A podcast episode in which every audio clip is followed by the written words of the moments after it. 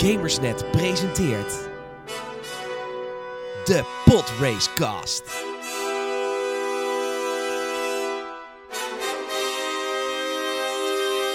Alles over Star Wars.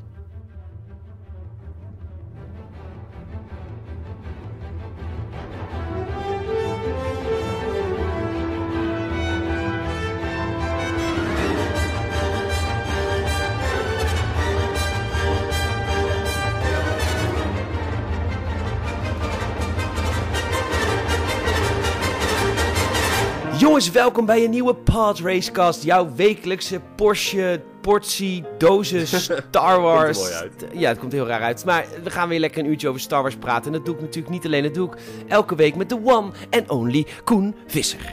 Hey Peter. Hallo. Ja, mijn naam is Peter Bouwman. En ehm, Ja, Peter Bouwman. ja, nee, goed. Ja, en we gaan lekker weer even praten over Star Wars. We zijn er eh, het- voor ons gevoel heel lang uit geweest, maar dat is helemaal niet waar. Nee, nou ja, opname is wel een tijdje geleden natuurlijk, dus het is wel waar. Maar we hebben tussendoor nog wel wat gereleased. Ja, precies. Want we hadden vorige week hadden wij de, de, hele, eh, de hele unieke aflevering die we helemaal hebben opgenomen tijdens Echo Base Con. Ja. Voor- was leuk, hè? Ja, het was een hele gezellige beurs. Ehm, veel gezien vooral. Ja, veel gezien, veel gekocht, veel beleefd. Ja, jij vooral veel gekocht, ja. Ja, absoluut. Nee, maar wij zijn er wel een week tussenuit geweest, zo Koen. Zie ik niet. Alhoewel, Ja, toch wel? Die was van Volgens mij zou dit de week moeten zijn waar we weer release hoor. 21 december kwam die uit.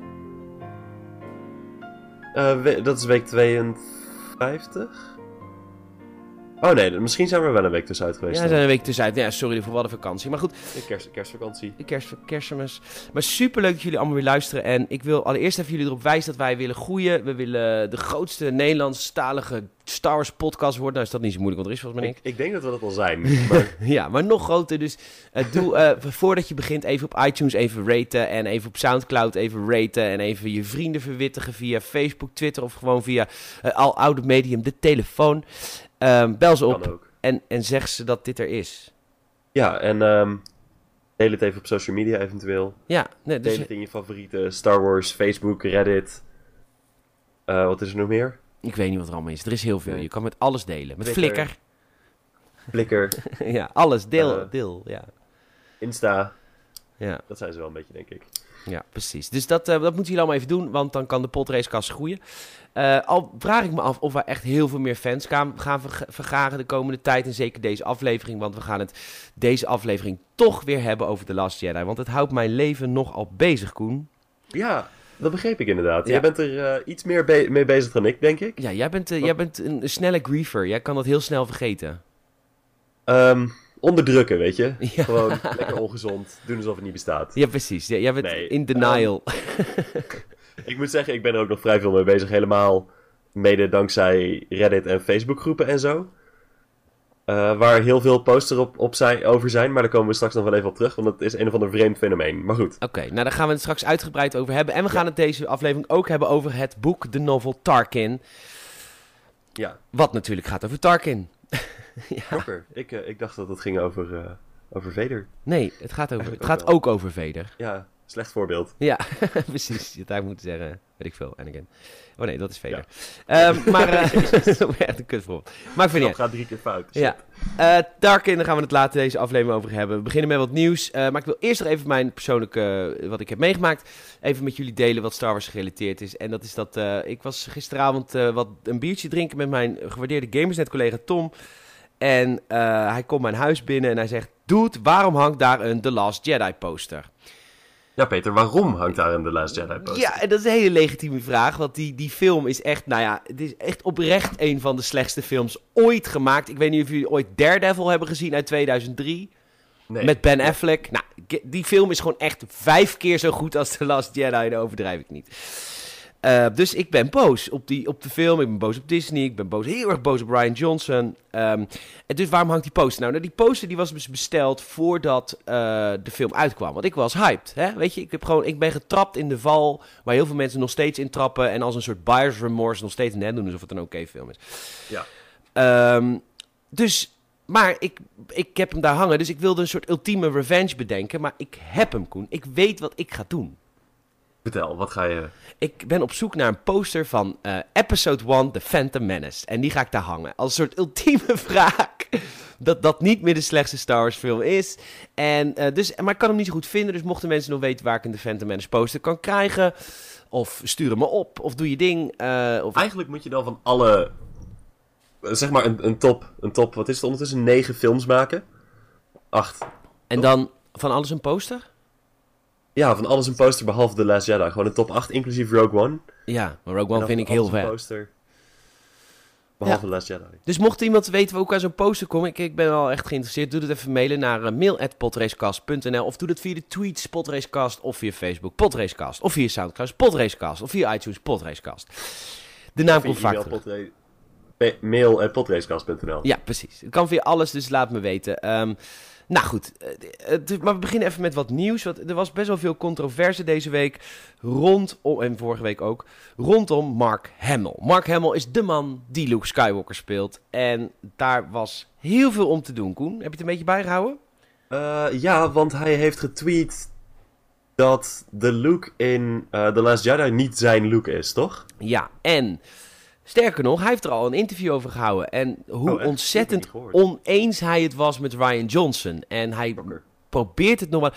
Weet je, het vette aan Mark Hamill is, is dat hij altijd super, super veel te eerlijk is. Ja, dat, dat appte je mij ook terug. Wat een heerlijk eerlijke man toen ik jou die tweet stuurde, geloof ik, toch? Ja, absoluut. Die man die kan gewoon nooit zijn mond houden. Dus ik snap best wel dat Disney best wel met hem in zijn maag zit. Ja, even later heeft hij de statement ook soort van teruggetrokken. Ja, dat doet hij dan altijd, maar we weten al lang wat hij vindt. Ja. Want hij heeft eh, gezegd dat het inderdaad niet zijn look was en dat eigenlijk geen enkele richting die eh, Ryan Johnson heeft genomen met The Last Jedi zijn richting zou zijn. Nee. En Nu ik, moet ik zeggen dat ik Luke nog wel een begrijpelijk karakter vond van alle karakters. Zeg maar de meest relatable, maar oké. ja, oké, maar het afkillen en het, het belachelijke force, het soort force eh, tijd travelen, soort van Welke, voor- bedoel je op? een force, een forced ghost zijn in het echt. Oh, die vond ik eigenlijk nog wel een leuke... Ja, vond je dat leuk? Ja? Oh, oké. Dat vond ik nog wel een prima idee, relatief. Oh, Ja. nou, ja, relatief. Ja, goed, maar relatief is in principe een soort mes in je arm zetten. Is ook een goed idee, Koen. Is het een goed idee, Peter? Dat- ik weet niet of dat een... rel- Nee, ik vond dat, dat oprecht nog wel een oké-ish stukje. Oké, Ehm, maar goed, hij was vooral dus... dat hij er zelf aan dood ging. Dat was wel een soort final... final Ja, dat is waar. Weet je wel? Overigens zijn er ook beelden ehm, gemaakt tijdens de première van The Last Jedi... waarin Ryan Johnson aan het praten is met een interviewer... en Mark Hamill naast hem zit. Als een gebroken man. Echt gewoon bijna huilend. Dus nu zijn er dus de geruchten... dat Mark Hamill tot dat moment helemaal niet wist... dat Luke gekild ging worden... totdat hij de film zag. Oh, echt? Ja. Omdat Oh, hij, Jezus. hij keek zo destroyed. Hij was echt, die film was dus net afgelopen. En hij keek, nou ja, gewoon echt alsof je moeder is overleden. Zo keek hij. Nou, dat nog zou ik erger. zo'n film ook kijken als ik, eh, als ik Mark Hamill was. Ja, echt Ja. jongen. Dus ik heb echt zo met die man te doen. Ik heb sowieso... En, en met wie ik eigenlijk nog het meest te doen heb op dit moment is J.J. Abrams. Maar goed, daar komen we straks nog op terug. Eh, dus dat was, dat was groot in het nieuws, Mark Hamill. Was dat ook wat op de Reddits allemaal te volgen was? Eh, onder andere, dat viel eigenlijk nog wel mee, die discussie. Een hoop mensen zeiden van, ah, het was gewoon... Gewoon een domme statement van een bla bla bla, weet je wel. Oké. Nee, op de Reddit ging het echt verbazend veel over... eh, of eigenlijk vooral op Facebookgroepen. Over hoe mensen te veel aan het zeuren zijn over dat het een slechte film is. En dat je niet van een film kan genieten als je te veel op de details let. Wat ik een rare statement vind. Kijk, ik vind het prima. Ehm, ik, ik segue direct even in, in het volgende onderwerp eigenlijk nu hoor. Ja, ja, sure. Maar ik vind het prima als mensen gewoon een andere mening hebben. En ik, tof voor mensen als ze The Last Jedi leuk vinden. Ik zou niet snappen hoe helemaal, maar prima, good for them.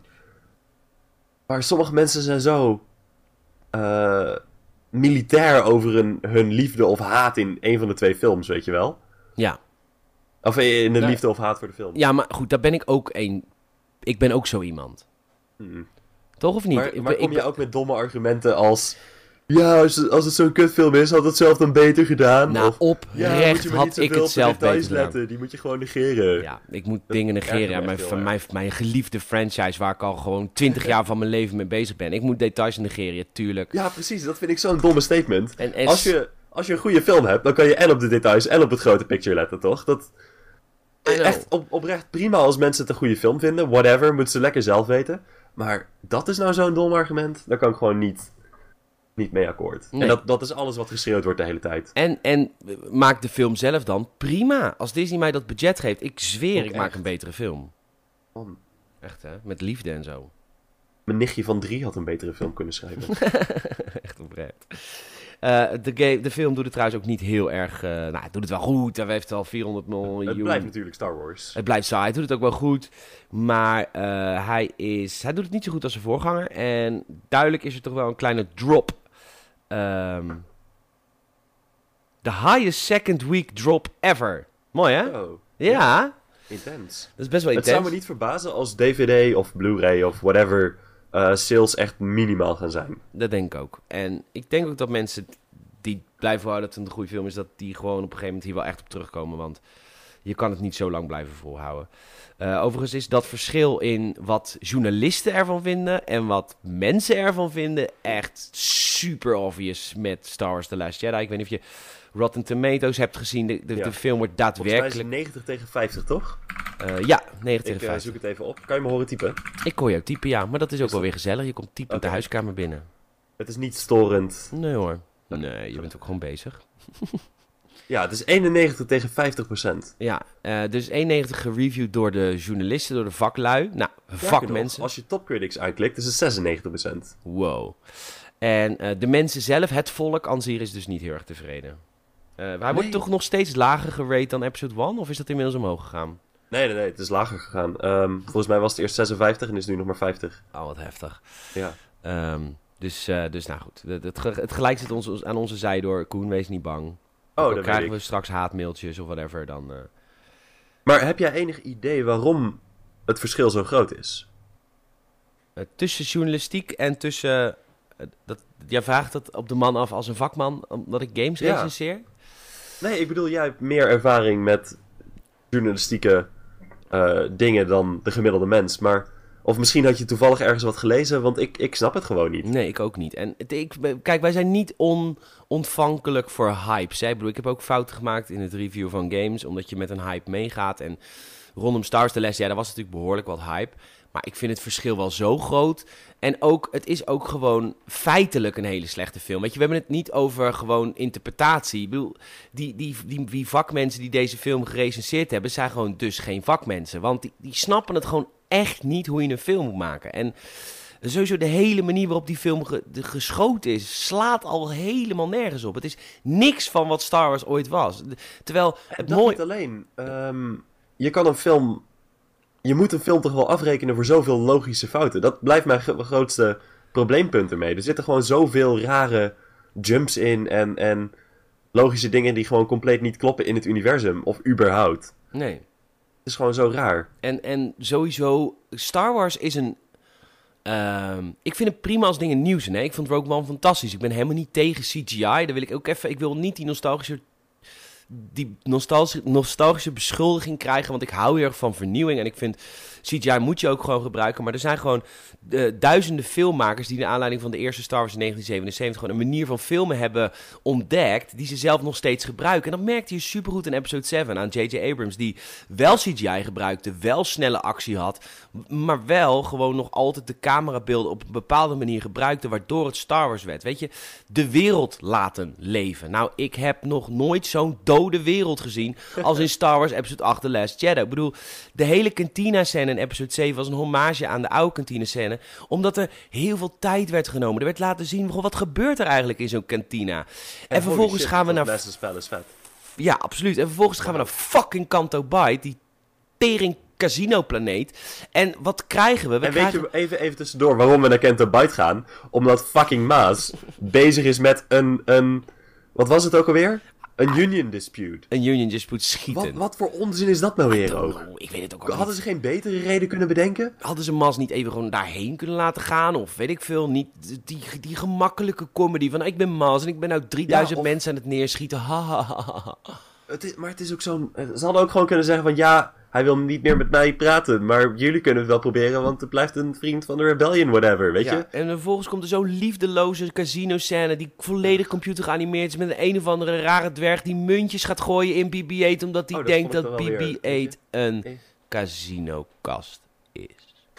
En dat vervolgens, vond ik dan eigenlijk wel weer, en vervolgens hebben ze fout relatief- geparkeerd en worden ze gearresteerd. ja, dat, dat was echt Dan komen ze in de gevangenis met iemand die niet de hacker is, maar toevallig in één swipe de cel open kan maken. Ja. En dan vervolgens een heel avontuur en het lukt niet. Dus het hele Nee. stuk had En weggeschreven. trouwens, kunnen ik ben me gaan realiseren hoe een ontiegelijke hekel ik heb aan Rose. Ja, wat is er mis met Rose? Letterlijk alles, Peter. Letterlijk alles.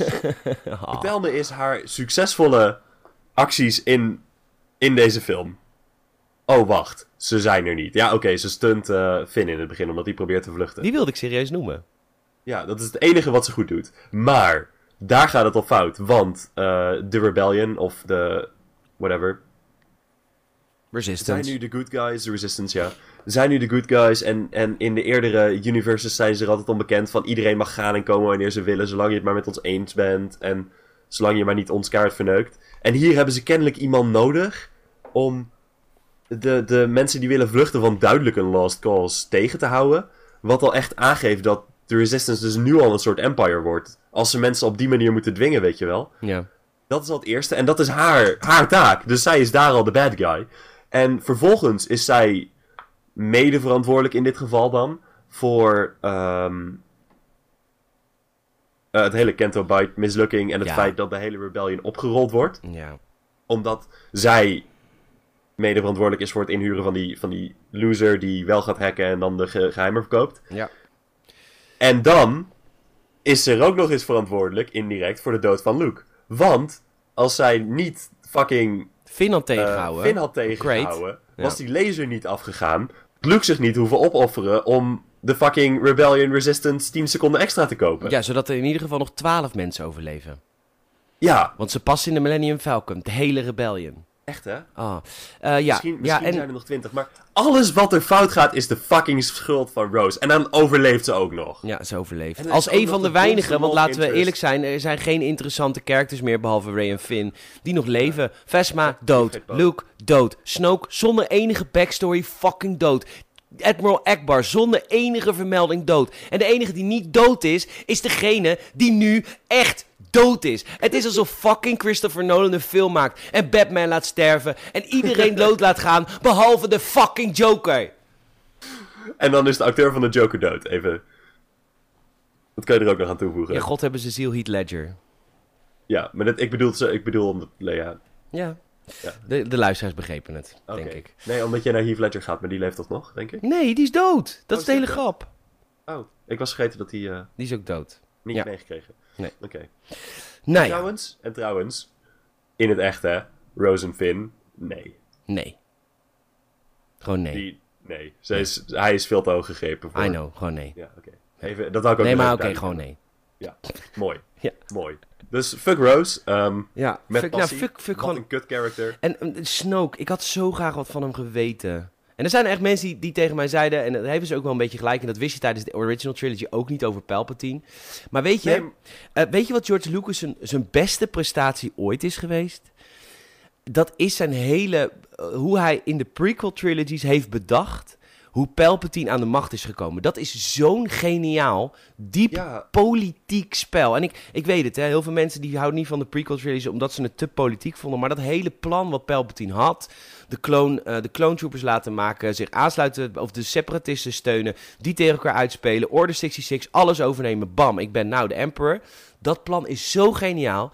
Die kans was er nog zolang Snoke nog leefde. Weet je, weet je, episode 7 was al een beetje militair. En er was weinig politiek. We snappen helemaal niet zo goed wat het was. Toen kwam The Last Jedi. Toen hadden we nog zoiets. Ja, nu wordt Snoke geïntroduceerd. Dus nu misschien komt er nu wel een, een geniaal spel tussen de twee. Er is geen geniaal spel. Het zijn gewoon op, partij A tegen partij B. Er is geen soort context binnen het universum. Het bestaat niet. Het is gewoon twee partijen die knokken. Dat is wat Star Wars nu is geworden. En dat was Ja, zo en fijn aan Rogue Wat One. ook Want nog een heel belangrijk verschil is, Peter. Ehm, met de originele, ja, met, met 4 had je nog niet een voorbestaand universum. Nog niks was bepaald. Eh, dan kan je gewoon zeggen van, kijk, deze partijen zijn er. kort uitleggen wie het zijn. Maar als je al een heel universum hebt, kan je niet zomaar zeggen van... Oh, by the way, hij bestaat ook nog. En Ja. is kennelijk een van de grootste leiders in het universum, want de First Order, weet je? Ja, maar want, waarom want de first? Wat is er gebeurd? Ik, ik weet Ja, niet... precies. We hebben nu al, we hebben nu die backstory nodig. Daarvoor was het gewoon van, oké, ehm, hier kan ik inkomen, want kennelijk is dit de staat van het huidige universum. Ik heb niks om mij te vertellen dat het niet zo is, of niks om te vertellen van, oh, zo zou het moeten zijn. Nee. Dus ik, ik vind het ook een vals kritiek. Ja, het is, eh, ja, ik vind het echt jammer. En, en dit is echt voor George Lucas echt te prijzen hoe hij, zeg maar, Palpatine zoveel gewicht heeft gegeven door dat geniale plan te bedenken wat eigenlijk Ja. niemand kon bedenken. Dat was echt heel knap van hem. Ja. En eh, nou goed, dat kunnen ze dus niet meer. En, En dan, dan, is er ook nog het massive verschil dat ehm, de Emperor echt menacing en eng was en Snoke is, I don't know. nee, oké, maar dat hadden ze, dat maakt niet uit, vind ik. Ik bedoel, hoe zo'n man eruit ziet, ja, daar kun je kritiek op Nee, hebben. maar maar, ik bedoel als karakter. Ja, maar dan hadden De ze, Emperor was duidelijk overseeing en evil. En Snoke is van, oké, een guy in, in vijf... In, ehm acht dan. maar ja, goed, ze hadden dat als, qua backstory hadden ze dat kunnen fixen door hem gewoon een soort gefrustreerde, eh, vieze oude man te maken. Had ik ook al prima gevonden, als hij maar gewoon een beetje een gewicht had, weet je wel? Ja. Ja. Maar zoals, zoals wij verliefd zijn geworden op Phasma, naar aanleiding van de Phasma novel, dat hebben wij nooit gehad met Snoke. Nee, want we weten niks van Want we hem. weten niks van hem, dus ja. Zou die een boek krijgen? Het zal wel, denk ja, ik. ik, ho- ik ga het niet lezen. Nee? Natuurlijk wel, maar niet met liefde. Misschien, ik bedoel... Misschien is het boek wel supergoed. en, eh, Het hangt weer van de schrijver af. Ja, dat is waar. Misschien maakt het boek alles goed. Nou, nee, dat kan niet. Maar ja, dat is niet een reden om een, een eventueel ander verhaal af te doen. I guess? Ik weet niet. Ja. Nou ja, goed. En- De, ja? Wat, wat wij zeggen? Nou, ik wilde eigenlijk al een stapje maken naar iets anders, maar als jij nog even wat wil kwijt over de film, Ja. dan moet je dat zeggen. Ik, ik heb nog wat zitten nadenken over wat er nu met 9 zou moeten gebeuren. Maar ik kan oprecht niks bedenken. Eh, nee, wat, er is daar wel een ingang in, eh, heeft Ryan Johnson gezegd. Want kijk, Ryan Johnson heeft het natuurlijk het niet makkelijk gemaakt. Ik ben zo blij dat J.J. Abrams terugkomt voor episode 9. Oh, ben ik Wie opgelucht. had gedacht dat je dat zou zeggen? Dat ik ooit zou zeggen, I know. Volgens mij Paar- had je eerst een tegenovergestelde mening. I know. Ik was super blij met Ryan Johnson, omdat ik vond dat JJ wel heel erg de gebaande paden bewandelde in episode 7. Maar het is een relief dat hij nu in episode 9 gaat doen. Maar waar, waar kan die man in godsnaam mee werken? Ik bedoel, er is niks meer. Ik bedoel, Princess Leia wordt gekild in de crawler waarschijnlijk, van ze is overleden uit, eh, van ouderdom, whatever. Ja. Maar er, is, er zijn twee ingangen die je kan bewandelen. Ryan Johnson heeft gezegd eh, in een interview, ja, oh, dat was ook dat flauwe, weet je wel, race, race ouders zijn gewoon niemand. Nou, oké, Ja. prima. Dus de, er zijn mensen die zeggen van ja, dat is juist mooi, want dat betekent dat iedereen het, het universum kan veranderen. En dat is ook wel zo, dat is ook wel mooi. Dat je Ja, geen. dat race ouders is niemand vind ik wel oké. Wat zeg je?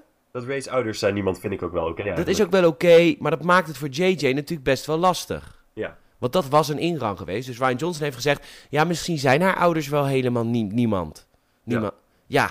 Oké, je hebt het net bedacht in je eigen kutfilm. Maar je bent nu al een soort excuses aan het bedenken voor je, voor je fouten. Prima, dus daar zou JJ kan daar nog wat mee doen. En wat, ook, wat, wat ik ook hoorde aan theorie, dat was echt super vet geweest. Is om deze film een beetje te vergeten. Ze gewoon 25 jaar of 20 jaar de toekomst in gaan springen. ja, maar dat moet ook wel. Waarom? Omdat we, we hebben gewoon ten eerste te weinig bad guys, te weinig good guys om iets te kunnen. Het is al aangegeven dat we nog maar pak een beet een handjevol mensen hebben. En dat is gewoon niet genoeg om iets als de First Order op ook wat voor manier dan ook te bevechten in drie jaar. Ja. Je moet wel naar de toekomst springen. Ja. Ik kan me niet, niet een realistische plotline bedenken waarbij het halve universum of zelfs een derde van het universum zich ineens tegen de First Order keert. Als ze nu op dit moment te bang zijn om überhaupt hun allies in de last stand te komen helpen, weet je? Ja, nee, dat is waar. Ja, oké. ja, nou, dat, dat, nou, dankjewel Ryan Johnson. We moeten dus 20 jaar in de toekomst in de tijd om Ja. jouw fucking Game of Thrones Red Wedding fase te kunnen overbruggen. Prima, dankjewel. Met, met letterlijk één bad guy. Ja, één bad guy is er nog, Kylo. En die, en, en die is al een beetje af en toe, nou goed, aan het einde van de film niet meer. Maar goed, ik, ja. Dus het is gewoon één film, Ray tegen Kylo. En dan Finn die er een beetje doorheen dartelt. Want ja, die heeft ook geen, die heeft ook geen nemesis meer. Want Vesma, dood. Ja, Voelde, ik, ik, heb, ik had heel veel zin in deze aflevering, omdat ik wist dat ik heel frustreerd zou worden. Maar ik denk niet dat het goed is voor onze luisteraars, sorry. misschien vinden ze het wel leuk om te horen. Ik denk dat Rage wel leuk is om te horen. ja, misschien, ik weet het niet. En- Maar- En weet je wat ook een kritiek is wat ik de laatste tijd veel hoor? Wat ik even wil eh, ondermijnen. Ehm, Mensen zeggen dat Ryan Johnson een te gelimiteerd universum heeft gekregen. Waarbij hij te weinig kon. Want of hij moest heel erg de gebaande paden opdoen, eh, opgaan, of hij moest zoiets doen. Maar ik denk dat het boek wat wij willen bespreken een heel mooi voorbeeld is van dat het absoluut niet waar is. Dat je, zeg maar, met creativiteit een soort van wel gewoon kunt werken met wat je hebt. Ja, Maar daar heb je iets voor nodig. En daar heeft Ryan Johnson nog nooit op betrapt. dat is talent. En eh, liefde voor het werk. Oké, hij heeft Looper gemaakt. Dat was een oké film. Maar goed, dat is het. Ja. Er was inderdaad. eh, we kunnen ons opmaken voor nog 20 minuten extra The Last Jedi straks bij de Blu-ray release. Eh, daar kwam ook, daar kwam ook nieuws over. Ehm, de, er is een scène waarin Ray bijvoorbeeld eh, Luke gaat helpen, eh, want ze worden ge, bezocht door bandieten op, op het eiland. Dus dat is een scène die we gaan zien, dat Ray even badass gaat tegen die bandieten. Dus dat is allemaal leuk. Hey, by the way, hebben we ook maar één swordfight gezien? Nee, hè? Ja, wel, Kylo. Nou, oké, dat vind ik niet erg. Want ik vond het gevecht wat Kylo en Ray hadden tegen al die gasten, vond ik wel heel tof. Oh ja, die hebben we gezien. Ja, nee, oké. Ik zat even te denken of we echt... We hebben niet lightsaber tegen lightsaber gezien, maar wel dat inderdaad. Ja, precies. Ja. Ehm, nou, En force lightsaber, I guess, maar... ja. En ehm, ik, eh, er gaan ook nog eh, meer romantische scènes tussen Rose en Finn volgen in de deleted scenes. Oh god, dat staat hoog op de lijst van dingen die ik absoluut niet wil zien. Ja, ja, het is echt heel leuk. Eh Phasma heeft een extra moment in de deleted scenes. Dat is al wel leuk, toch? Ik hoop het. Hangt er vanaf. Ja.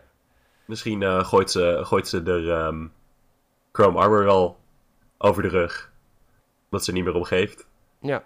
Want fuck geschiedenis, toch? Ja, en er komen een aantal reshoots, reframings met Admiral Holdo, die chick die het overneemt van, eh Ja. van Lea. Hey, ik las er nog wat over. Iemand zei van... hey, ze hadden ook wel Winter kunnen pakken. Ken jij Winter?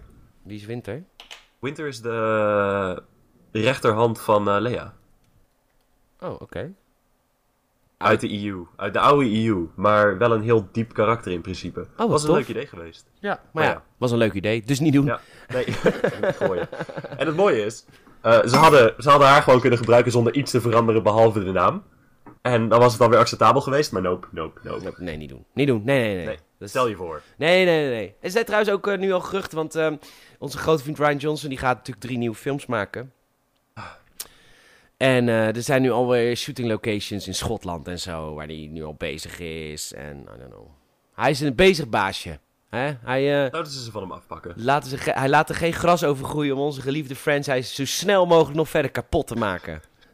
God, wat heb ik zin in de Han Solo film. ik heb foto's gezien van de Han Solo film. Wat is dat toch vet met Lan- Lando en Han en Chewie. Oh, ik heb echt heel veel zin in die film. Want het kan gewoon weer een soort Rogue One worden. Ik bedoel, ik, fuck, fuck trilogy. Ik ga alleen nog maar voor de spin-offs. Peter, ik heb zo weinig hoop nu nog in de Star Wars films. Ik, Nee, eh, nee, dat is fout van je. Ik bedoel, episode 7 was goed. Rogue One was fantastisch. Ja, maar... Als dit de, richting is waar Disney op wil gaan... Ja, dit is wel de richting ik, waar Disney op eh, wil gaan. ik heb weinig hoop. Ik ga nu vooral van de EU houden, denk ik. En als Han, Han een goede film wordt, dan ben ik super blij, absoluut. Want het is wel een van mijn favoriete characters, maar... Zo niet, ik, ik ga niet eens teleurgesteld zijn, weet je. Dat wordt gewoon ook verwacht. Ja, maar dat is, nog, dat, is, dat is nog erger. Kijk, ik ben heel erg teleurgesteld. Dus dat betekent dat het me iets doet. Ja, nu nog wel, maar... het heeft, het heeft mijn, mijn vertrouwen in Disney gewoon... Dus je wordt op een gegeven moment mur. Gewoon echt, gewoon, het maakt niet meer uit. Oh, nee, maar dat, dat wil ik niet. Ik wil wel, ik wil wel blijven caren. Dus kunnen we net ja, maar stoppen met deze is podcast. voor, toch? Ja, ja, Ja. ja, dat, niet, vind ik nog wel lastig. Ja. Nou goed, eh, ook nieuws. Er was nog één nieuwtje dat ik wilde behandelen. Is dat ehm, er zijn meer details gekomen. Iets waar ik heel erg veel zin in heb. Eh, meer details gekomen over Galaxy's Edge. De nieuwe Star Wars attractiepark binnen Disney World en Disneyland in Californië ja. en Florida. Eh, oh, ze gaan echt een wereld nabouwen. Ze hebben gezegd dat de hoofdattractie zit aan de kant van de Resistance. En aan de kant van de Resistance wordt een kantina nagebouwd en een eh, hangar. Waar je gewoon doorheen kan lopen. Echt super vet. Ja. En er komt ook een kant van de First Order. Dus ze gaan ook een deel van de First Order ruimteschip gaan ze namaken. Dat je echt gewoon op metaal loopt en zo. Dude, hoe vet zou het zijn als je echt gewoon in een X-Wing kan zitten? Oh, Als ze gewoon zou- van die helmen hebben liggen en alles. Zeker. Als je 34 uur in de rij wil staan, zal dat dan zeker heel tof zijn. Ja. Ik bedoel, Ik denk, ja, we zien wel. Zou wel heel cool zijn, though. Ehm, ik, ehm, ik heb heel veel zin erin. Dus dat is in 2019 wordt het geopend en dan eh, ga ik daarheen. Verstandig. Ben, ben al aan het sparen. Lekker. Ja. Mooi, mooi vooruit. Bezig ook. Ja, nou dan gaan we door naar het volgende, iets minder pijnlijke segmentje van, eh, van deze podcast. Namelijk gewoon de boeken. Want daar houden we ons maar aan vast. Ja, en niet zomaar een boek. Nee, we gaan het hebben over Tarkin. En Tarkin is een boek die, de- volgens mij, eh, is die, was dit volgens mij een van de eerste boeken die uitkwam toen Disney het overnam. Ehm, oh, dat weet ik niet eigenlijk. Zou nog wel eens kunnen. Ja, volgens mij was het sterker nog, is in volgens mij was het de eerste. 2014 uitgekomen in november. Eh, ja, nou ja, daar, eh, we hebben onlangs... Oh, dat is eigenlijk helemaal niet waar. Oh, sorry dan, dan heb ik het fout. Eh, goed, vergeet dat. Maar goed, Tarkin. het gaat over ons geliefde karakter Tarkin. Moff Wil- Wilhuf Tarkin. Ja. Tarkin. Gouverneur. Is dat een beetje de vertaling? Gouverneur? Nee, nee, gouverneur is hij toch in dit boek? Hij is eerst gewoon Moff. Hij is eerst mof. Ah, en dan Ja, wordt hij ja. gouverneur. Ja, hij is het allebei. Ja, maar hij wil gouverneur genoemd worden, toch? Dat was het, toch? Ehm, Ja, volgens ja, daar komt het, hangt er een beetje vanaf met wie die praat. Volgens mij was het op, eh op Coruscant dat hij voor Moff gaat, maar onder zijn eigen troepen voor governor. Toch? Omdat hij daar zeg maar meer governor is. Oké, maar goed, maakt verder niet uit. Wa- Breng ons even in de wereld van, eh, van Tarkin. Want Tarkin is natuurlijk het karakter wat eh, de Death Star eh, be- beheerst, zoals wij hem kennen in, in episode 4. En daarvoor in Rogue One als CGI-character, maar wel supergoed gedaan. Ja. Ehm, die, de, die de bouw van de Death Star eigenlijk overziet. Samen met Krennic, daar, dat is wel leuk aan Rogue One. Die hebben echt een hele vette soort van, eh, van, van connectie samen. Heel erg anti elkaar, maar Krennic is daarin super gefrustreerd. Geweldig acteur trouwens. Maar dit is zijn origin story, zijn backstory. Hoe is het allemaal begonnen met die man? Ja, eh, het begint in, in dit boek met Sentinel Base. Waar Tarkin de leiding heeft. Dat is een beetje een afgelegen Outer Rim basis. Ehm, ja, een beetje in middle of nowhere heb ik het idee. Dus hij is daar echt nog een broekie. Hij is zich echt nog aan het opwerken. Ja, hij is wel al een tijdje bij de Empire en hij is dus wel al mof. Dus echt broekie zou ik niet zeggen. Oké, maar ze geven hem geen vrij- core world. Huh? Nee, geen geen- Core World. Maar nee. volgens mij had, was dat eh, voor een deel omdat hij dus grotendeels de constructie van de Death Star al overziet. Eh, vooral de beveiliging, als ik het goed begrepen heb. Ja? Toch? Nou ja, zoiets. En dan worden ze aangevallen door ehm, een schip gemaakt door de Separatists. Separatists. Lastig woordje. Ja. Ehm, een, soort, een soort mengelmoesje van allemaal onderdelen van oude schepen uit, uit dus de oorlog met de droids. Ja, de Clone Wars. Ja, echt. Maar ook echt gewoon droid fighters en al die meuk. En eh, nou ja, Terwijl dat eigenlijk al niet meer op. gebruikt werd. Nee, nee, nee, al lang niet meer. Dat was, dit was zeg maar. Waar we dus later achter komen in het boek. eh, zijn dit de eerste rebellen een beetje. Die dit allemaal gewoon samengesprokkeld hebben en een beetje aan het harassen zijn. Ja. Gewoon een beetje testen, het water testen. Dat soort En dingen. dat is heel slim, want het kost geen manschappen. Kan gewoon die Nee. droids kun je gewoon instellen. Ja. Er waren wel drie man op het schip, geloof ik. Mhm. Vier man, zoiets. Deden een lifeform scan. Maar eh, het is gewoon even, even het water testen. Maar een heel belangrijk deel daarvan was om te kijken of de technieken die ze aan boord hadden om de holonet te, te beïnvloeden, dus de communicatie tussen schepen, of dat nog werkte. Ja, Want precies. ze hadden in-universe CGI, I guess. Eh, ze maakten poppetjes na die in het echt leefden en streamden die over de holonet. Om een Om andere boodschap uit te zenden. te. Ja, Huh? om andere Ja. boodschap uit te zenden. Een soort ja, idealistische oorlog. En om gewoon Tarkin en zo te verwarren. Ja. Maar omdat Tarkin in de Separatist oorlog gevochten had, was hij al bekend en herkende hij de tekenen en trapte hij er niet in. Ja, want dat is wel wat er voor, uit voortkomt in dit boek. Tarkin is natuurlijk een geniaal eh, man. Ja, een strategist en herkent alles en weet alles en is een supergoeie piloot. En Kun jij mij uitleggen wat jouw fascinatie is met Tarkin uit de films? wat zei je? Kun jij mij uitleggen wat jouw fascinatie is met Tarkin uit de films? Nee. Oh, gewoon niet. Nee, want dat is waarom Tarkin volgens mij heel veel fans heeft. Het is gewoon de manier Ja. waarop hij praat. Met enorm veel overwicht. Eh, als karakter heeft hij in de films niet super veel diepgang of zo. Nee. Eh, tot en met Rogue One. Tot Rogue One. Maar daarvoor was het gewoon een dude die er heel cool uitziet. En vet praat, vet erbij staat en duidelijk wel belangrijk is. Ja, toch? het heel belangrijk is, want dat, dat was, uh, we werden direct geïntroduceerd, zeker als je in 1977 naar de Bills was. We waren nog niet geboren, maar als je toen naar de Bills was. Tarkin was de enige die uh, weerstand bood aan Darth Vader. En ik denk dat daar het belang van Tarkin vanaf het begin al, voor mensen die hem leerden kennen, vandaan kwam. Hij was de man die begon over hokey pokey religion en, uh, of nee, dat zei volgens mij Han Solo, maar over de ouderwetse religie dat het niet meer van belang is en Darth Vader maar eventjes op zijn woorden moest passen. En Ja. hij zette Darth Vader gewoon op zijn nummer, direct in episode 4 al. Ja. Waardoor we En al- Darth Vader accepteerde dat gewoon. en Darth Vader accepteerde dat, want Darth Vader wist dat de Emperor de Death Star zo belangrijk vond en daarmee de leiding van Tarkin zo belangrijk vond, dat da- zelfs Darth Vader niet tegen hem in durfde te gaan. En dat is volgens mij waar vanaf het begin het belang van Tarkin vandaan komt. Waarom wij allemaal zoiets hebben van die guy is awesome. Ja. Ehm, het was gewoon duidelijk. Kijk, dat is trouwens ook een leuk dingetje aan, aan goede Star Wars films.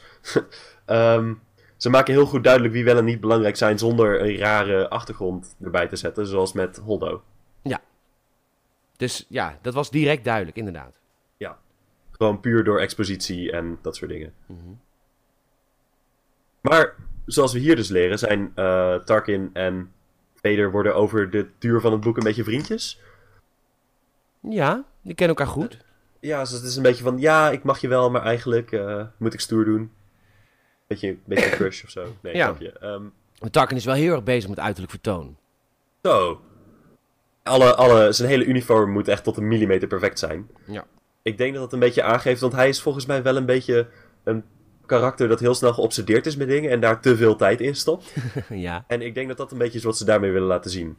Want hij is echt, ik denk, 10 minuten in het boek bezig met zijn pak uitkiezen. Ja. ja, het is een ijdele man, maar dat is ook wel te zien aan, aan in de films. Ja, maar ook perfectionistisch. Alles moet echt exact zoals hij het wil. Ja. En tot in de puntjes uitgewerkt worden. En dat blijkt ook, want in dit boek wordt eh, zijn persoonlijke schip, de Carrion Spike, eh, gekaapt op een missie, op, tijdens een missie waarbij hij samen met Vader eh, iets kleins aan het onderzoeken is eigenlijk. En wordt zijn schip, de Carrion Spike, een, een super gemodificeerd, stealth, zwaar bewapend ding, een corvette, wordt gejat. En gebruikt, hele- Sorry? en gebruikt door de rebellen. en gebruikt door de rebellen om aanvallen te plegen. En omdat het schip dus zo stealthy en super en perfect is, een van de duurste schepen in de fleet geloof ik, wat geen capital is, ehm, is het ook super dodelijk. Ja, en lullig voor hem. Zo, dat ook. Het is ook natuurlijk gewoon een vlek op zijn eer. Ja. Maar hij maakt het mee samen met Darth Vader, dus Darth Vader treft ook blaam daarin. Ja, ze zijn allebei heel erg samen verantwoordelijk en gaan samen achter het schip aan om het proberen te vangen. En het lijkt eerst een heel makkelijk ding te worden. Ze zetten een trap ergens en dat gaat compleet mis. Ehm, en over de course of the book, zeg maar, leren Tarkin en Vader heel erg goed samen te werken en op elkaar sterke en zwakke punten in te spelen. Zoals Vader, die weet natuurlijk heel goed, dankzij de Force, een hoop dingen te volgen en snapt dingen die eigenlijk niet te snappen zijn. En heeft veel meer intuïtie. Maar Tarkin is een super logische man. En kan op basis van pure logica dingen berekenen die, die bijna niet te doen zijn anders. Of herkent dingen van, hé, hey, dit heb ik eerder gezien. Dit moet zo aan elkaar verbonden zijn. Ja. En zo vullen ze elkaar heel erg goed aan, denk ik. Toch? Dat is een beetje wat ze proberen duidelijk te maken. Ja, absoluut. En omdat ze samen zeg maar, verantwoordelijk waren voor die missie, is daar die, die band ook ontstaan. Want een band ontstaat natuurlijk eerder als je samen tegenslag meemaakt dan als je samen alleen maar successen viert. Ja, en in het boek wordt ook al duidelijk gemaakt dat Anakin en Tarkin vroeger wel een beetje een band hadden. Of goed met elkaar het konden vinden. Ja, en dat komt Alleen- weer terug naar de Clone Wars, de tekenfilm, waar Tarkin best wel in veel episodes een grote rol speelt en heel Ja. vaak betrokken is bij de Jedi-missies. Omdat hij daar toen al een soort generaal was, of nou, nog, een, nog een luitenant, denk ik. Hij, hij was al best wel hoog, geloof ik. Ja, maar En en... beschrijf ook een beetje een missie waarbij hij eh, ook het respect wint van al zijn, zijn kameraden, zeg maar. Als een eh, gelijke. Maar ook van enkele van de Jedi. En waarom hij ook een beetje een hekel heeft aan de Jedi, dat wordt er ook bij beschreven. Ja, dat kwam trouwens ook al naar voren in de Clone Wars. Hij vond het maar niks dat het, eh, eh, dat het totaal niet hiërarchisch was. De hele Jedi-structuur. Een Jedi ging mee op een missie en was daardoor direct de baas van de missie. Ja. Zonder dat zij ook maar enige militaire training hadden gehad of respect hadden voor hoe militaire structuren werkten. Want dat is Tarkin zijn eh, zijn ding natuurlijk. Hij, zit, Ja. hij voelt zich daar als een vis in het water in die structuur. En dat komt natuurlijk ook omdat hij daar goed in is en daar succesvol in is. En hij kon op dat punt niet concurreren met de Jedi en had daardoor best wel een hekel aan ze. Maar ook gewoon volgens mij wordt wel duidelijk gemaakt dat hij een hekel had aan een hele werkstrategie. Van wij doen alles wel lekker zelf, blijven jullie maar achter. Ja. Fixed, oké, done, bye bye. En als het misgaat, dan Geen verantwoordelijkheid. Ja. ja, geen verantwoordelijkheid. Jullie schuld, nou. Maar eh, Anakin die was dat natuurlijk niet heel erg zo, want, nou ja, Anakin. En eh, daarom mochten ze elkaar wel, maar eigenlijk weet hij, mag hij niet weten dat Anakin Vader was, maar stiekem weet hij het wel natuurlijk. Mhm. Want eh, het is een hele slimme man. Ja. Zoals duidelijk gemaakt wordt. Wat voor beeld heb je van hem naar dit boek? Ehm, iemand die te veel op details in, inwerkt. En eigenlijk wel een beetje sturing nodig heeft van bovenaf, wat dus de Empire is, of de Emperor is. Maar wel iemand die, die dingen gedaan krijgt als hij het maar op zijn eigen manier kan doen. Met dus de juiste hoeveelheid sturing. Ja. Maar iemand die wel super streng is en erg ehm, krachtig op zijn eigen manier, denk ik. Ja. En jij? Eh, ja, het is die band die hij die, die heeft met Darth Vader. Wat, wat, ik, wat je constant hebt bij Tarkin, of het wel gaat in de Clone Wars, of bij Rebels, of in de films, of in het boek. Je praat gewoon met iemand, of je, je leest, of je ziet iemand met belang. Ja. En dat is gewoon best wel tof. Eh, Ja. Omdat dat in de, in de Empire best wel bijzonder is. Want het wordt altijd neergezet als je hebt de Emperor en Darth Vader, punt. Maar dat is natuurlijk niet zo. Je hebt Thrawn en je hebt Tarkin en je hebt nog meer Krennic. Die hebben allemaal een hele toffe rol en zijn in hun manier heel belangrijk. Maar Tarkin is daarin wel het meest belangrijk. Ja, hij was ook de allereerste Grand Moff. De titel is puur voor hem bedacht. Oh, tof. Ja, dat was ik In vergeten. het, laatste, in, het ei- eh, in het einde van het boek wordt dat ook, zegt de Emperor van... hey, ik promoveer je tot Grand Moff. En dan heeft ook niet van, wacht, wat? Ja, heb je En dat dan, nou net eh, bedacht. en ja, precies. Ja, ik ben de En Emperor. dan dus- krij- krijgt Grand Moff, eh, krijgt Grand Moff Tarkin controle over de hele Outer Rim en de Death Star. Ja. Dan is het van, oké, drukte. Blijf het zielig vinden voor Krennic. Mwah. Dus Hoort toch erbij. de man die de Death Star heeft bedacht. Technisch. Maar ja, je hebt eh, werkpaarden en je hebt eh leiderschappaarden, I guess. Ja. Ik vind de geschiedenis die ze aan Tarkin gegeven hebben trouwens ook wel heel erg vet. Want hij komt van een planeet, ik moet even in de wiki kijken hoe die planeet. Iriadu. Iriadu? Oh ja. En dan wel de regio Carrion, waar zijn schip ook naar vernoemd is. En daar moet hij eh, van zijn ouders, want ze zijn daar de rijke en heersende familie. Maar van zijn ouders moet hij om te snappen hoe dat allemaal werkt, moet hij een heleboel ehm, opdrachten, I guess, doen. En daaronder valt eh, overleven in de Carrion region. En dat is een hele wilde Ja. berggebied met een hoop, hoop kwaadaardig, of nou niet kwaadaardig, maar een hoop eh, vijandige beesten, wildlife, die hem eigenlijk allemaal dood willen hebben. En hij moet leren jagen en hij moet leren schieten, leren vechten, leren efficiënt doden, eh, zodat er vlees bewaard wordt. Leren water vinden en zo ook allemaal.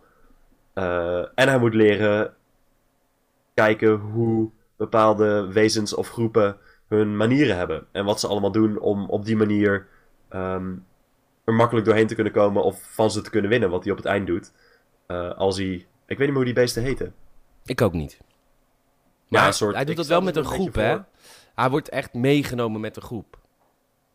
Waar eh, bedoel je? In die bos, hij doet het toch niet alleen? Jawel, voor, eh, eerst met de groep, maar Ja, later precies. alleen. Eerst met de groep, dat vond ik heel leuk. Die, die scènes met die groep vond ik heel leuk. Omdat je daarin heel erg de, de lerende Tarkin zag. Ja. En nog heel erg opkeek tegen die oude ja, soort stamhoofden. De- Echt, volgens mij was dat, een, was dat een broer van zijn vader of moeder. Een die, oud-oom of zoiets. een oud-oom, ja. Die, die, die dan ervoor gekozen heeft om in de wildernis te wonen. En Tarkin moest dan als een soort stage maar mee.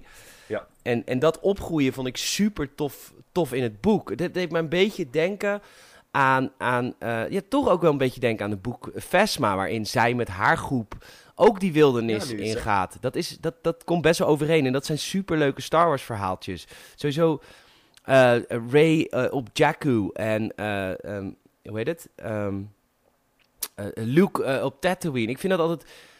Dat vind ik altijd hele interessante aspecten van Star Wars. Als ze naar een soort van afgelegen plek gaan en daar wezens ontmoeten en daarop moeten reageren. Volgens mij is dat een van de grootste aantrekkingskrachten van Star Wars. Ja, sowieso.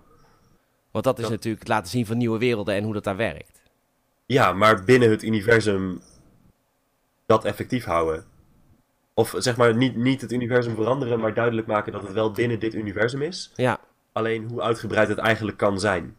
ja, Dat is inderdaad de kracht van Star Wars. En dat is wat het EU ook zo mooi maakt. En wat Ryan Johnson dus niet begrepen heeft. Nee, maar bijvoorbeeld, nee, laten we de vergelijking met trekken met, eh, met Empire Strikes Back. Als je daar eh, de scènes op Hoth. Natuurlijk weten we allemaal nog eh, het gevecht op de Battle of Hoth. Met, eh, met, de met, de met de At-Ats en de, de Speeders Mhm. en, en Luke Skywalker. Maar wat daarvoor gebeurt is een scène natuurlijk dat, dat Han op zoek moet naar Luke. Omdat hij vermist is met een Tauntaun. En eh, Luke wordt bijna opgevreten door die, eh, hoe heet het de beest ook alweer? Nou goed, die Ja. soort Yeti. Ja, die Yeti. Maar dat zet heel erg die planeet neer. Weet je wel? En dat is. Trek dat door naar bijvoorbeeld episode 8. En kijk naar Crate. Die. eh, de zoutmineralen planeet. Die totaal niet wordt neergezet. Weet je, er is, het is er opeens. We weten niks. En ik zeg niet dat je het zo diep moet beschrijven als in een boek. En dat kan ook helemaal niet in een film. Maar zo'n momentje van gewoon neem even vijf minuutjes. Bedenk een verhaal dat Luke wordt gevangen. En laat Han met een tand dan even zoeken. Dan weet je al een beetje hoe die planeet is. Ik weet niet hoe Crate is. Ik weet dat daar zilveren wolven wonen. En dat die ondergrond zout is. Maar er is niks bedacht van god. Hoe, waar past die planeet in de wereld? En wat is er leuker aan die planeet? Dat dat, dan dat het er alleen maar esthetisch tof uitziet. Om met, met die karretjes in dat rode zout te rijden. Snap je wat ik bedoel? Dat is het Ja, verschil tussen oud Star Wars en nieuw Star Wars. En, of nou, niet eens oud Star Wars. Dat is verschil. Nee, want Rogue One deed dat ook fantastisch. Ik bedoel, Jeddah werd fantastisch neergezet in Rogue One. Dat daar een eh, dat ze daar kyber crystals aan het, aan het mijnen waren. En dat ze dus bijna allemaal op waren. En die man die met die oude religie. En er wordt iets neergezet. En die laatste planeet trouwens ook. Die, eh Eh, Scarif. worden. Ja, Scarif. Daar werd ook, ja precies, want Krennic kwam daar aan en ze hadden daar al die, die, die, die kaarten opgeslagen, weet je, de, alles deed. Het was eigenlijk de bibliotheek. Nou goed, de- weet je, en het hoeft niet lang te duren, weet je, dat hoeft niet tien minuten te duren, je hoeft er geen boek over te schrijven, maar zet iets neer en gooi het niet in ons gezicht van, ja, dit is het, doe het er maar mee en we gaan weer weg. En dat is waarom eh, de, de Last Jedi ook kut is. Sorry. Nee, je hebt helemaal gelijk. Eh mooi, hele mooie beschrijving trouwens. Dat, je, je, je, je hit the hammer on the head. Eh, Het was duidelijk, ja, dank je. Ja.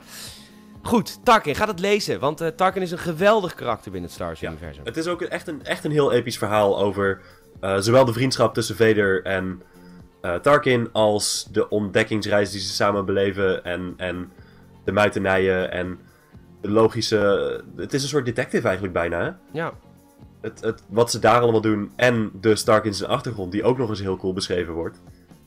Al met al is het echt, echt een van de, van, van de topboeken weer. We ja. hebben nee. een paar goede uitgekozen. Fasma, dit. Ja, en, en we gaan het toch echt binnenkort echt over Prinses Leia eh, ja, is goed. Ik, sorry, ik ga hebben. er nu aan beginnen, zeg maar. Hierna. Ja, ik moet hem ook nog uitlezen, want ik heb natuurlijk een paar maanden stilstaan, maar ik moet er ook Ja. nog mee verder. Eh, want eh, Leia, Princess of, Princess of Alderaan, is ook een heel vet boek. Gaan we het eh, heel snel over hebben in de nieuwe Podracecast. Eh andere onderwerpen weet ik nog niet, maar we gaan het gewoon allemaal maar zien. Ja. Er zijn Eh, er genoeg, denk ik. Dat denk ik ook. Rest mij niks anders te zeggen dan mensen te wijzen op allemaal dingen die ze voor ons moeten doen. En ik denk dat jij weet wat dat is, Koen. Ehm, ik gok dat het gaat zijn een review achterlaten op iTunes. Leuk, Abonneren natuurlijk overal. leuk. Ehm, ons mailen op mail.podracecast.nl als je iets leuks te melden hebt. Eh, Nou, bijvoorbeeld, like je kan ook- op Facebook. Delen met je vrienden. Even bellen, mailen, sms'en, whatsappen, telegrammen, ICQ'en. ICQ'en, RSS'en. Eh, Ja. naar, naar al je maten. Even zeggen dat ze, dat ze moeten luisteren als je denkt dat ze geïnteresseerd zijn. Want we zijn natuurlijk een hele niche show. En we doen dit voor de lol, maar groeien blijft natuurlijk wel belangrijk. Ja, dat is leuk. En ik heb een missie voor jullie. Want ik denk dat er Oh. heel veel mensen zijn die naar mij luisteren en naar Koen luisteren over de Last Jedi en het niet met ons eens zijn. Wij zijn heel erg benieuwd naar waarom je het niet met ons eens bent. Of misschien ben je het heel erg wel mee eens, maar heb je nog wel een reden waarom de film nog kutter is dan wij al vinden? Eh, mail dat vooral naar mail at. Je kan het ook in 280 tekens doen via Twitter, podracecast. Oh ja, dat is nu 280 hè? Ja. En ehm, dus wat wij vinden het superleuk om het daar met jullie over te hebben. En om, om want ik ben, ik, sta, ik ben wel ontvankelijk voor andermans mening. Hè? Ik bedoel, ik, ik, ik ben het er ook wel met eens bijvoorbeeld dat de hele connectie tussen Ray en Kylo vond ik super vet gedaan. Ja. Eh, en ik ben groot fan van de Porks. Vond ik ook super vet gedaan. ja, ik hou wel van een beetje Pokémon in mijn Star Wars. Eh, dus er De waren ook Eevees wel- en de, de Porks. we kunnen bijvoorbeeld... Z- Zullen wij bijvoorbeeld, eh, Koen, zullen wij onszelf een missiedoel stellen voor de volgende aflevering? Ehm, vertel. Zullen wij allebei vijf dingen opnoemen waarom The Last Jedi een fantastische Star Wars film is? M- Moeten we het ook op die manier Ja. brengen? Of Ja. kunnen we zeggen van vijf goede dingen uit? Nee, ja, maar ik, ik maak er even een spel, een, Oh, quiz-element van. Ja, nee, Oké, ik, ga, ik ga de positiefste review schrijven die ik kan. ja, daar gaan we volgende week gaan we het over hebben. Misschien met, ter ondersteuning van mensen die ons gemaild hebben, die ons overtuigen van ja, maar dat was wel echt goed. Laat ons dat gewoon even weten, worden wij heel blij van. En dan ben je deel van deze show, want het is natuurlijk een show. Oh nee, dat is een andere tagline. Ehm, van die andere podcast. Ehm, onwijs bedankt voor het luisteren. Dankjewel Koen dat je er weer was. Ja, jij ook bedankt Peter. En ik hoop jullie allemaal, ik wens jullie allemaal een hele fijne Star Wars week toe.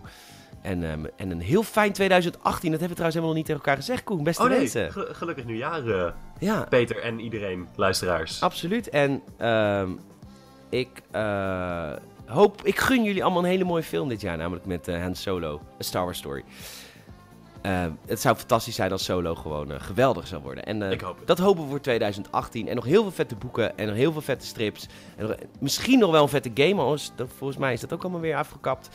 Zijn, Dus- zijn ze überhaupt nog bezig met games? Ik... Ja, er is al een game in ontwikkeling.